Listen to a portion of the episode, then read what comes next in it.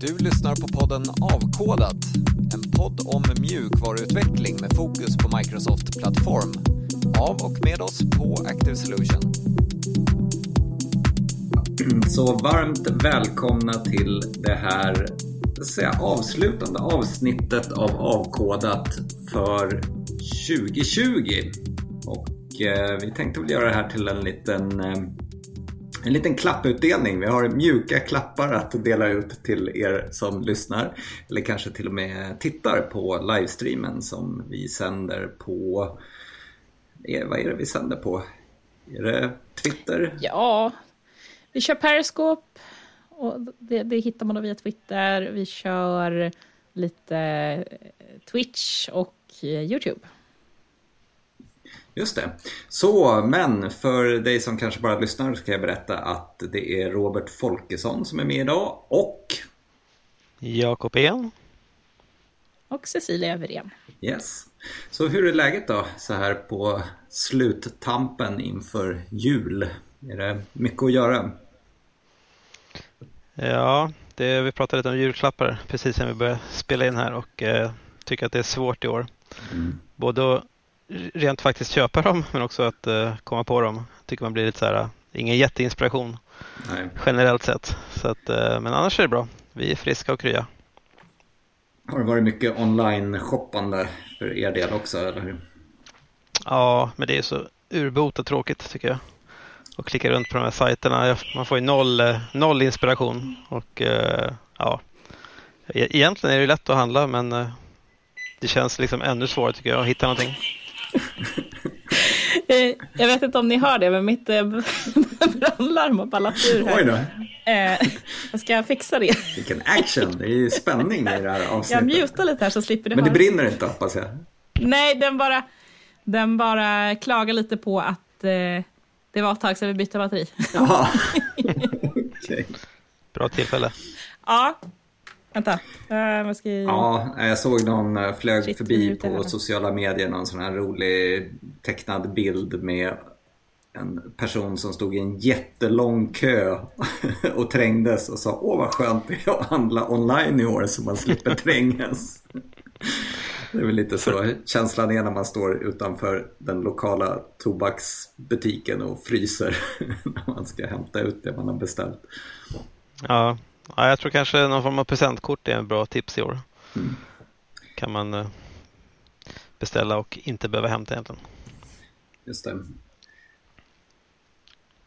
Och eh, en, en, annan eh, bra julklapp eller julklappstips som jag kan ge det är att ge, jag ska inte säga vem, vem som får det, ska jag inte avslöja nu, men en prenumeration på Warp News positiva, optimistiska, faktakollade nyheter.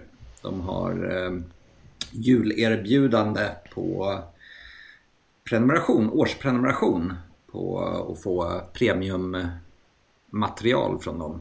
Vilket är fantastiskt trevligt. Kan lägga till en, en länk i, eh, till det här avsnittet också.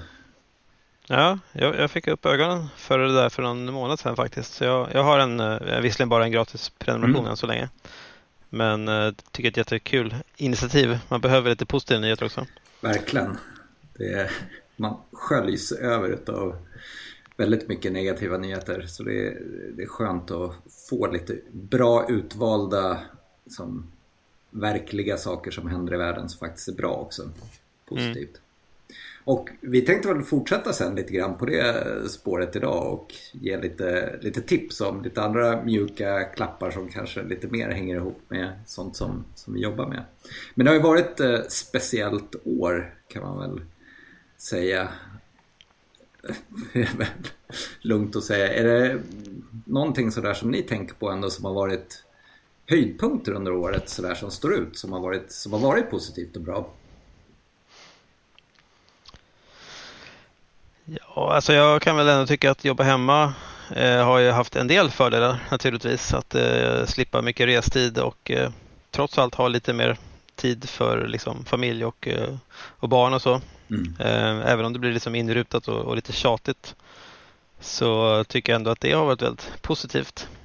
Eh, så det, det tycker jag är bra. Sen tycker jag jobbmässigt tycker jag att den, den här podden har varit ett väldigt trevligt avbrott i, i rutinerna. Vi hade ju som en målsättning att få till tio avsnitt och det är nästan att vi lyckas med det. Det här är väl det nionde va? Eh, jo, ja just det. Vi kanske var förra året som ja, vi... Väldigt viktigt. Vi började innan corona. Mm. Så att inte blir beskyllda för att det är ett corona-utspel. Nej, just det. Nej, precis. Men eh, det blir mer av ett trevligt avbrott också för nu under coronan med mm. att eh, prata eller lyssna på, på lite kollegor om eh, vad som händer runt om. Mm. Så det tycker jag var kul. Ja, jag kan bara hålla med om det där med att det, det, det, finns en hel del fördelar med att kunna arbeta hemifrån. Jag har aldrig träffat familjen faktiskt så mycket som jag har gjort nu sådär på dagtid. Men, eh, men saknar jag också kanske den här energin som jag kan få utav att, att verkligen vara närvarande i samma rum med personen när jag workshoppar till exempel. Det är, det är mm. fantastiska verktyg som man har och, och kan använda sig utav. Jag hade något temaavsnitt om det också. Men, men det är de få gånger man har lyckats sett kanske kollegor eller kunder och sådär. Det, det, har varit lite energikickar det också. Mm. Även om, som du säger, det, det finns en del fördelar. Sen tycker jag också att det har varit väldigt mycket bra online-material och konferenser och det har ju inte funnits någon brist på den typen av saker att uh, ta del utav. Mycket Microsoft-konferenser naturligtvis men till exempel Devsam tycker jag var nu, nu är jag så här gravt biased eftersom jag var involverad i liksom, arrangemanget och var, var där och satt i studiosoffa på plats och så. Men jag, men jag tyckte ändå att även de sessioner som jag tittade på själv var extremt bra och, och, fungerade och hade till och med lite, lite bra publikinteraktion. Vilket känns viktigt. Så, och den möjligheten att göra sånt på ett sätt mycket lättare idag med talare från hela världen. Det är ju, det är ju faktiskt rätt häftigt att kunna ha med folk utan att behöva ta massa av deras tid i anspråk för resor och, och sådär. Att kunna ha med i princip vem som helst när som helst och med lite hänsyn tagen till tidszoner såklart. Det det är ju en stor styrka. Det, det är häftigt. Ja, precis. Så där tror jag man kommer att se mer liksom eh, hybridkonferenser då, vad det lider. Mm. Att när man väl kan börja ses så smått igen så har jag svårt att se att man kommer att i vart fall ha de här stora konferenserna där alla ska vara på plats. Men att man då kan ha konferenser där vissa är på plats och vissa kör online. Mm. Så måste man hitta något bra format så att det där liksom funkar. Så att det blir någon helhetsupplevelse mm. som funkar för både de som är där och de som inte är där. Mm. Men, men det, det, känns ju som en sorts framtida vision för konferenser tycker jag i alla fall. Jag vet att du, du har sagt det också Jakob, att du, du har fått tillbaka lite nytändningen att medverka på konferenser också och hålla föredrag. Och du har kört lite grann, ja, kanske mest varit i utbildningar i och för sig nyligen. Men... Ja, precis. Annars har jag inte haft några egentliga konferenser eller så under hösten. Här. Det var ju flera stycken i våras som mm. då gjordes om till online-versioner, så de, de gjorde jag ju. Men, men efter det så tyckte väl både jag och jag vet flera andra liksom att det, man var lite less på det. Mm. Och eh, man fick inte lika mycket tillbaks av den här energin saknades ju. Men jag har ju också insett att det har alltid varit en väldigt bra morot för, för mig i alla fall, att, liksom ett driv att uh, se på nya saker och, och lära sig dem. Och det har jag ju saknat lite, att när, man, när jag tog bort det här från ekvationen då liksom Ja, då saknas den där liksom lilla saken som, som Moroten gjorde att jag... Ja, men lite verkligen så. Liksom grotta ner sig i något nytt. Precis, när man hittar någonting så kan man säga att det här ska jag gräva ner mig i och så ja. kan man göra det. Så det, det, det suget framförallt att få tillbaks. Mm. Och sen får man väl liksom försöka att göra så bra, så bra det går av det här online eh, saken som vi, som vi håller på med nu så att det liksom blir ja, så bra som det går egentligen. Mm. Yes. Ja, vi funderade ju lite grann på om vi skulle ha varsin, eh, så här, varsitt mjukt paket till lyssnarna den här gången eh, som, som en, liten, en liten julklapp. Eller något tips kanske om, om saker att kolla på. Sånt som, sånt som har hänt eller sånt som har varit eller allmänna tips. Jag vet inte, har ni någon, någon bra idé? Jag vet inte Cecilia, är du, är du mutad Nej då, jag försöker eller? bara eh, sätta mina larm, eh, eller min eh, brandvarnare i, i, i renoveringsläge lite diskret med och inte ah. låta höra ah, att det klingar Men, eh, ah, men du... jag tror att mitt tips passar bra in efter Jakobs tips faktiskt. Ja. Ja, men då börjar vi med Jakob då. Snygg passning. ja. Nej, men jag, jag, tänkte ta upp en sak som säkert flera känner till. Inte jättenytt i sig då, men, men eh, jag, jag jobbar en hel del med, med DevOps och tooling runt DevOps och vi har ju på Active och på många av våra kunder då så har vi använt Azure DevOps i, i många år. Och en stor viktig del där förstås är ju det som heter Azure Pipelines där man då bygger sina CI, CD-flöden för att bygga och paketera och deploya och testa sina system. Och eh, Azure Pipelines är ju ett otroligt kraftfullt verktyg nu. Det har ju liksom stöd för väldigt, väldigt mycket. Eh, samtidigt har det varit då sedan Microsoft har köpt GitHub så har det varit väldigt mycket fokus naturligtvis på, på GitHub. Och eh, där släppte man ju för ett år sedan ungefär eh, GitHub Actions som är liksom ett, en, i första versionen var liksom en, en motsvarighet till Azure Pipelines för just byggen då för att, att eh, kompilera och testa applikationen. Men, eh, men det har liksom saknats då egentligen den här CD-delen av det, att kunna bygga liksom riktiga eh, pipelines för att deploya ut eh, applikationer till, till flera miljöer. Så att eh, jag har väl inte personligen heller gjort mer än att leka lite med det. Jag har inte sett det som ett riktigt alternativ än så länge. Och men liksom bakom vad säger man, behind the scenes så har ju då många på Microsoft, alltså teamet som har byggt Azure Pipelines, Azure DevOps, många av dem är ju, jobbar ju numera under liksom GitHub-organisationen och eh, mm. har jobbat det sista året med att eh, egentligen bygga mycket av det som finns i Azure Pipelines fast inom ramen för GitHub. Och det syns ju där, framförallt på GitHub Actions, där det ju hänt otroligt mycket nu och nu sista, egentligen bara för några veckor sedan då, så öppnade man upp då i, i en publik beta det, där man har stöd då för environments, alltså man kan då eh, bygga ett workflow som där man kan deploya till flera miljöer. Man kan då ha approvals eh, och eh, en del andra saker. Det är fortfarande inte alls, det är inte lika feature-rikt som Azure Pipelines, men det är på god väg. Och eh, som sagt, det, det, investeras ju väldigt mycket där så att det är lite att komma ikapp då och göra, göra GitHub Enterprise friendly så att säga. Det är mycket saker som har saknats där. Eh, men det är de på god väg till att, att komma ikapp nu. Mm. Eh, så det tycker jag är ett bra tips att liksom faktiskt börja kika närmare på, på GitHub generellt förstås. Eh, men också GitHub Actions då för, eh, för CICD. Jag vet inte om någon av er har, har sett någonting på det? Jag har testat det lite grann bara. Det här var innan mm. det fick stöd för olika miljöer så då ja, fanns det liksom bara en, en, en allt var en miljö så att säga. Mm. Men det, det jag upplevde var att det kändes väldigt snabbt.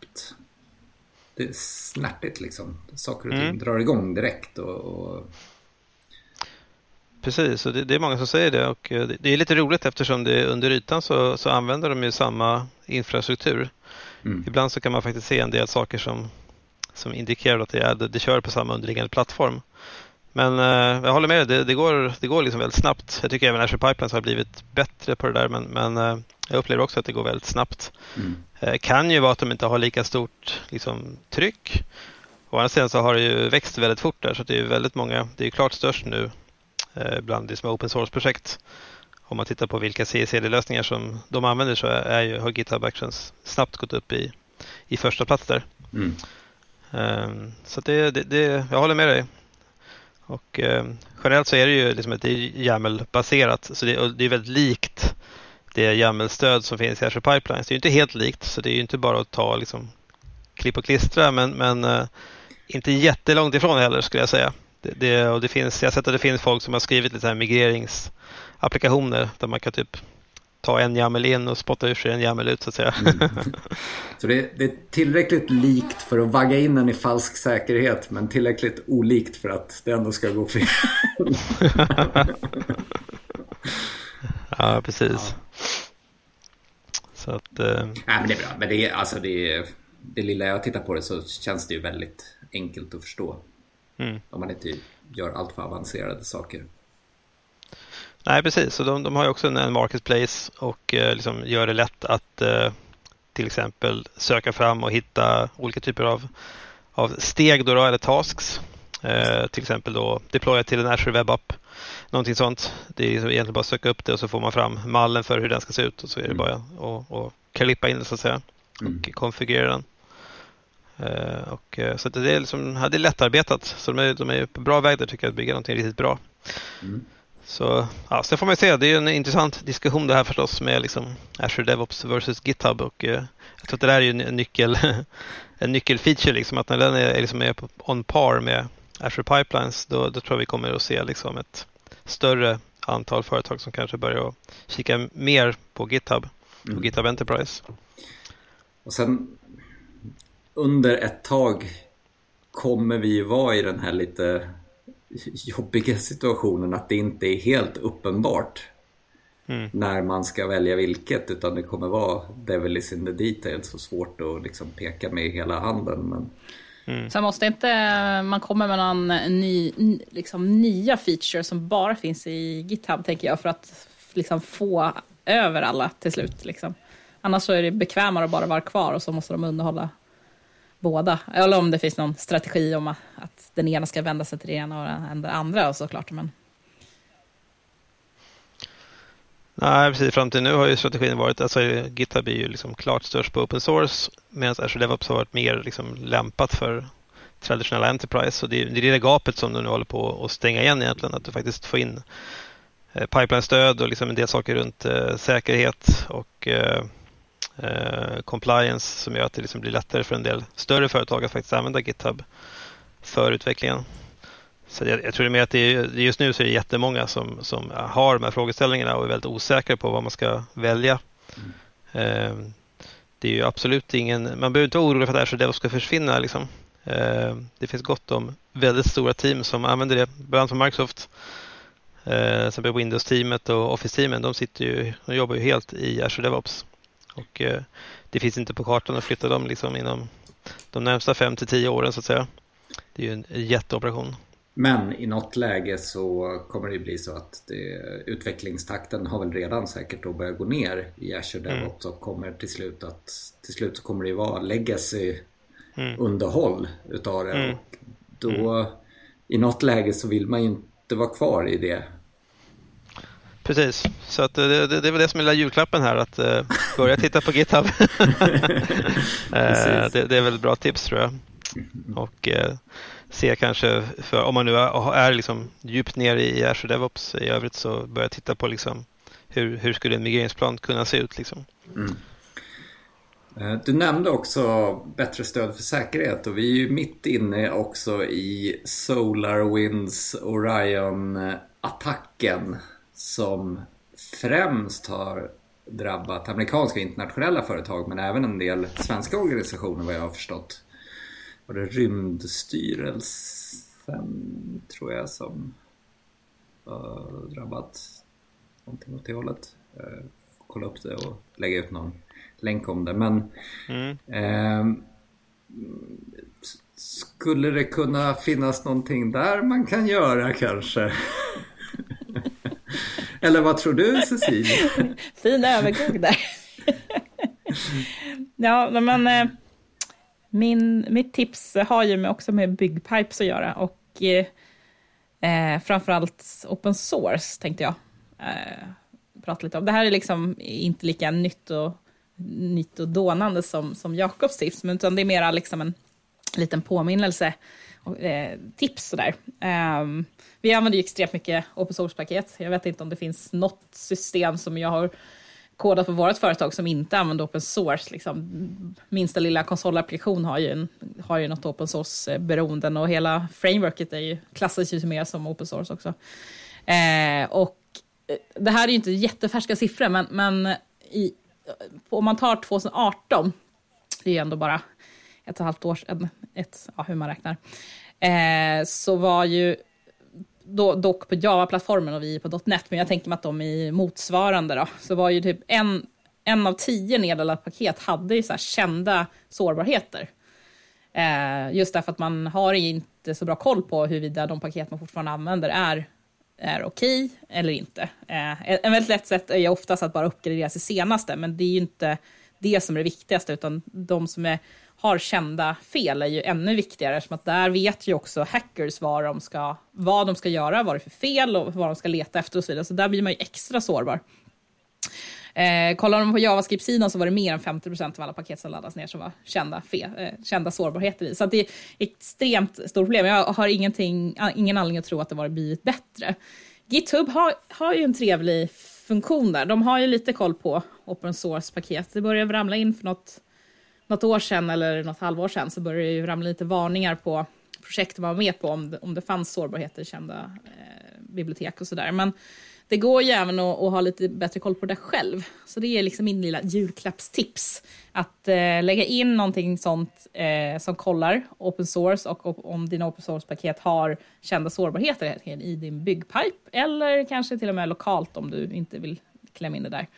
Eh, sen kan man ju fundera på om man vill klämma in det i byggpipen eller om det ska vara en separat bygggrej som går och kör på nätterna eller något annat spännande som bara spottar ur sig rapport till någon som, som man då faktiskt tittar på också. Eh, och där finns det ju självklart lite olika verktyg. Utan att vara sponsrat eller någonting så kan jag tipsa om att kolla på White Source Balt. White Source har massa olika produkter inom de här sfären och de har gratis, eh, eh, gratis system som heter, de kallar för Balt. Eh, som då finns för, för GitHub, för DevOps, eh, för lite olika sådana här plattformar, så de är inte bara på .NET på något sätt, utan de finns ju brett och vitt. Och skulle man vilja ha det liksom lokalt i sin, i sin IDE, liksom, då har de ett eh, verktyg som heter Advice också, som är motsvarande, fast då man kör, kör man i sitt byggver liksom lokala byggverktyg istället. Så det är mitt tips för lite julklappstips. Mm. Ja, det är ett bra tips. Och för de lyssnare eller tittare som mot förmodan skulle ha missat Solar Winds Orion attacken som jag nämnde tidigare. Så det är ju monitoreringsverktyg som hade en add-in som innehöll en bakdörr som gjorde det möjligt för attackeraren att eh, fånga upp information och skicka till massa tjänster på nätet via extremt avancerad eh, kod med mycket obfuskering och, eh, och det, det, är väl fastslaget att det här var en stat som låg bakom. Ryssland har pekats ut och anledningen till det är väl att det, det var, det var så pass avancerad eh, kod helt enkelt så att det, det behövde vara någon med rejäla resurser som har gjort den här attacken. Vilket är rätt intressant. Jag kan ta med en länk i det här avsnittet till eh, Trusec har gjort en, en intressant analys av det där. Men eh, jag tror att GitHub hade väl på gång någon egen sån säkerhetsscannerlösning också va? Som inte är publikt utrullad än, är det inte så? Nej, precis. Jag har lite dålig koll på det, men det, det stämmer. Jag vet, att, jag vet att de har det och att de satsar väldigt mycket på det också. Mm. Um, vi, vi, har ju på den kunden jag jobbar nu så har vi, där kör vi White Source Bolt och uh, vi har liksom evaluerat den och även en annan tool som heter Snyck. Just det. Uh, som är lite liknande och, och båda de har ju gratisversioner eh, som är lite begränsade då i, i bland annat hur, hur, många projekt och pipelines man kan köra så att säga. Eh, de är ju som throttlade kan man säga. Mm. Eh, och eh, Snyck tyckte vi var egentligen var lite bättre tooling på det stora hela, framförallt betalversionerna men, men däremot så var den mer begränsad i, i gratisversionen. Då. Mm. Så att eh, ja, vi håller på att evaluera det. Men det, det, det kostar lite pengar sen när man ska upp på de här premieversionerna. Eh, men de är väldigt, väldigt bra de här verktygen och det är lite intressant det här att man, man lägger typiskt in då sina pipelines så att man då samtidigt med att man eh, bygger och så vidare så kan man också då göra de här kontrollcheckarna men i och med att det här är sårbarheter som liksom dyker upp, de, de, dyker inte upp just när man, när man bygger utan de dyker upp när som helst och det innebär ett system som är i produktion och som man kanske inte nödvändigtvis gör en ändring i. Eh, behöver man egentligen också monitorera så att säga. Så att, mm. eh, det är en typ av pipeline som man behöver köra kontinuerligt och inte egentligen bara när man gör ändringar i dem för att mm. faktiskt fånga upp eh, fånga upp de här sårbarheterna eftersom de dyker upp på versioner som man redan har i produktion. Just det. Yes. Och det är som du säger, det, det jobbas ju såklart på, på att få in det här lite mera liksom native i, i de här plattformarna och det är ju, det är ju helt rätt väg att gå. Liksom. Vi utvecklare behöver hjälp med det här. Vi, det är ju liksom, det är jobbigt att hålla reda på att man ska lägga till ett sånt här steg i sitt pipeline och hålla det liksom levande och mm. separat. Men just de här två mm. produkterna som, som vi har nämnt nu, de är ju, de är ju godkända, de är ju liksom allmänt eh, liksom bra i branschen. Alltså alla, alla tycker att de är bra och, till, och de som sagt jobbar ju med det här. Liksom, och, och som sagt, det, det, är ju mycket värt att kanske betala för sig om man nu har många projekt och så vidare. Eh, det sitter ju företag bakom som jobbar med det här. Det är liksom ingen så här hopskrammat open source-register liksom, rakt upp och ner, utan det, är ju, det drivs ju liksom på ett affärsmässigt sätt så att det blir liksom bra grejer i slutändan. Och, sen är det inte, sen är det inte bara, förlåt, inte bara sårbarhet heller. De, de tittar ju också på alltså compliance runt vad gäller till exempel licenser. Då, vilka, vilka licenser, modeller de här open source-paketen har. Eftersom man då ganska enkelt kan av misstag dra in en komponent som har liksom en licensmodell som gör att man kan inte bara paketera den som en del av sin egen lösning. Det där är ju superviktigt att, att ha koll på. Mm. Och det är ju nästan omöjligt att göra det om man inte har den typen av automatisk monitorering när, när det liksom börjar bygga mjukvara i, i skala så att säga. Mm. Ja, det är också det är en väldigt intressant aspekt på det också. Mm. Att, mm, och det, det behöver inte handla om att man, är, att man med vilje inte vill vara en god citizen utan att man inte har koll helt enkelt för att det är så väldigt många tredjepartsberoenden. Ja, och ja, men det är ju, det är ju lätt hänt att säga att man bara gör NuGet installer i NPM. Man söker upp någonting och som ja, det här verkar vara bra funktionalitet, den vill jag ha. Och så mm. drar man ner den och så tänker inte en sekund på den typen av frågeställningar. Liksom. Nej. Ja, det är intressant. Mm. Mm. Jag hade faktiskt också en, en mjuk klapp att dela med mig av. Eh, som egentligen handlar om en ny kognitiv servicetjänst. Vi jobbar en hel del med cognitive services och eh, ofta när det handlar om den typen av eh, mer färdigpackade till viss del anpassningsbara men, men så väldigt enkla att använda AI-tjänster från Microsoft så är det ofta tal eller språk eller bildförståelse eller video analys som görs. Men den tjänsten som jag ville tipsa om är en tjänst som, som kanske ligger mer närmare så här traditionell affärsverksamhet som kanske inte sysslar med talförståelse eller eh, sentiment analysis för att förstå om en text är positivt eller negativt inställd eller bilddata.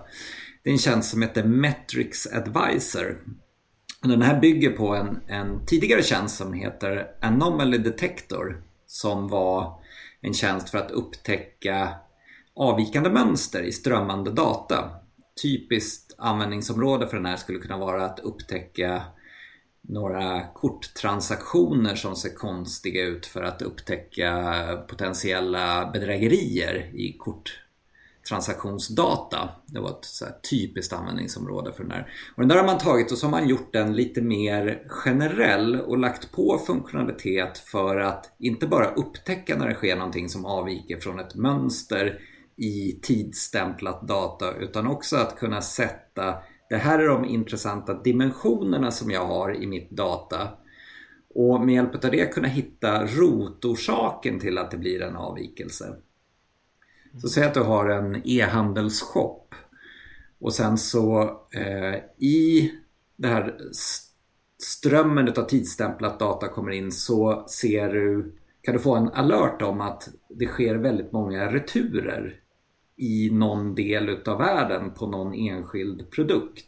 Och det här kanske är sånt som skulle ta ganska lång tid att upptäcka om man använder något annat verktyg för att följa upp den här som gav liksom visualiseringar eller bilder i, i efterhand utav aggregerat data. Medan den här kan direkt så fort den, den ser liksom att mönstret börjar vika av ge en signal om att det händer någonting. Och det som är mest intressant med den är att man behöver inte nödvändigtvis själv sätta vad de här gränserna är.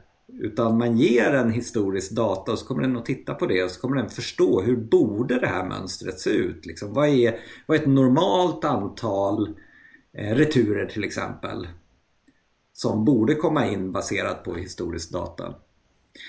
Och sen så finns det tusen olika inställningar som man kan skruva på för att fintuna det här. Men den tjänsten är väldigt, väldigt eh, lätt att se användningsområden för även för en, en, verksamhet som kanske bara sysslar med eh, finansiell data som, som inte har liksom det här behovet av att kunna använda AI för text eller språk eller bildbehandling.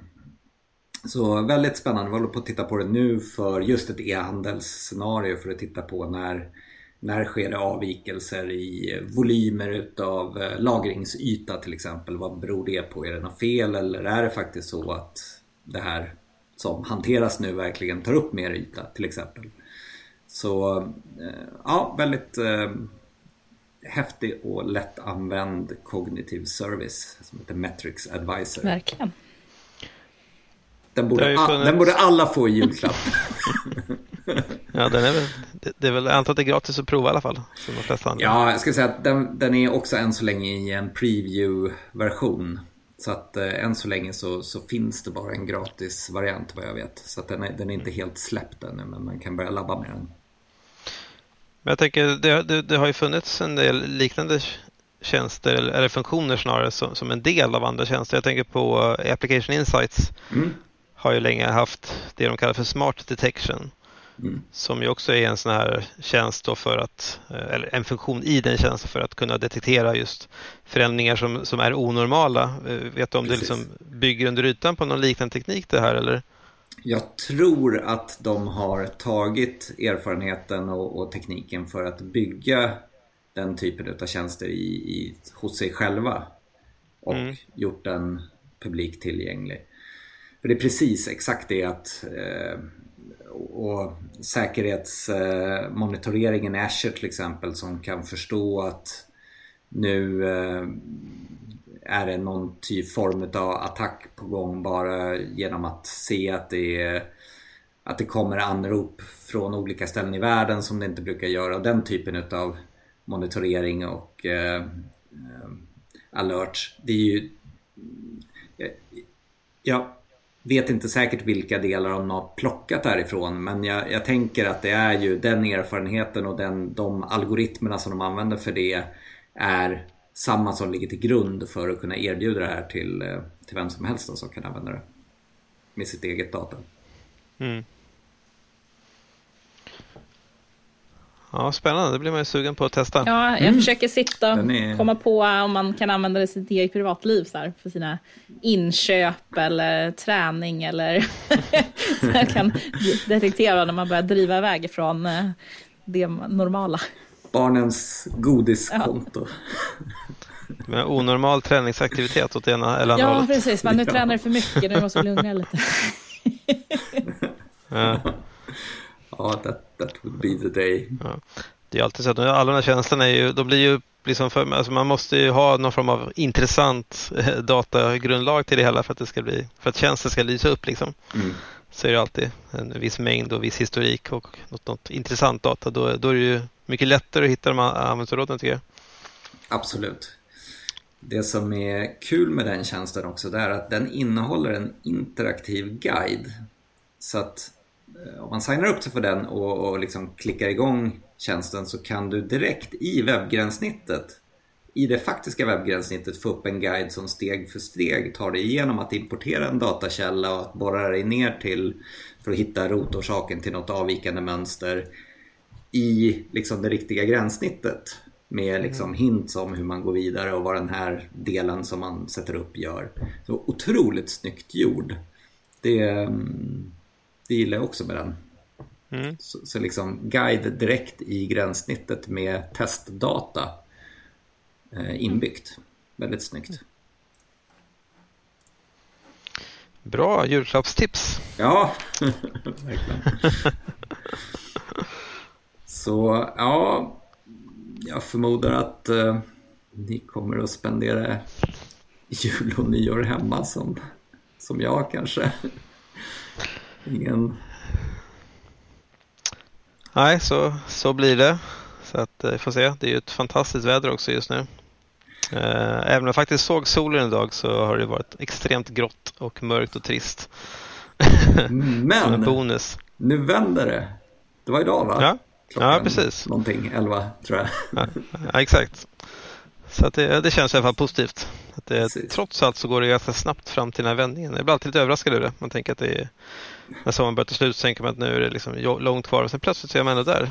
Det tycker jag är samma känsla varje år faktiskt. Sen är det ju så att det, tyvärr så tar det fortfarande ganska lång tid från nu tills att man faktiskt märker någon större skillnad. så är det ju. Men, eh, ja. Ja, men ni har inga så här eh, geek, teknik, eh, tips eller sånt som ni ska göra nu i ledigheten då? Ja, eh, jag och eh, min yngste son, jag hoppas att han inte tittar på det här nu, eh, vi ska programmera en legorobot tillsammans. Men det vet han inte riktigt om än. en hård julklapp alltså?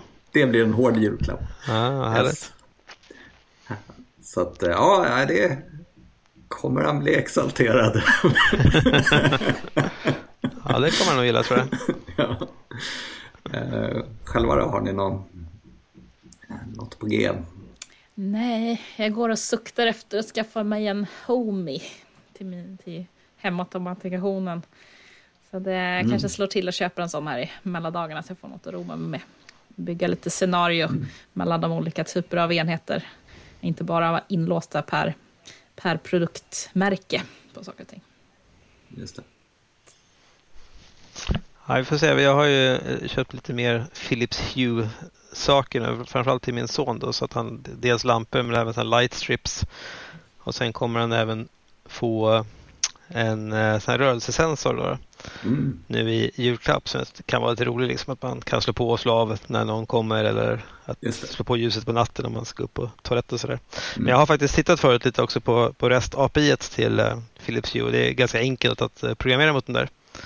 För jag försöker hitta något så här kul projekt och liksom trigga igång programmeringsintresset lite. Det är ja. lite trögt så där tycker jag. Vi får se. Det kanske inte blir någonting men, men det kanske blir roligare om man kopplar en pryl till den. Mm. Att, ja, eh, men du kopplar vi ihop det med lite julmusik och alla lampor så kan du starta liksom en uh, juldisco-serie. Uh, där du vet de här husen som bara blinkar fast vi gör det på insidan istället. Ja, precis. Det finns ju egentligen inga tekniska begränsningar för vad man kan göra. Förutom att det bara är ljus. Det är mer på på det roliga. Ja, jo, men, alltså, men, men sen kan man göra ljud och sen varför inte koppla ihop lite robotar och grejer som börjar röra och snurra på sig också. Vem vet? Coolt. Ja. Mm. Ja, men det känns ju som vi kommer nog kunna sysselsätta oss i alla fall. Det tror jag. Så ja, det återstår väl bara för oss att tacka för att du kanske har tittat eller lyssnat och önska en riktigt god jul och ett gott nytt år. Så uh, kör vi igång avkodat igen på andra sidan nyår. Se vad vi har för spännande ämnen då. Så tack så mycket för oss. Tackar, tackar. God jul. God jul!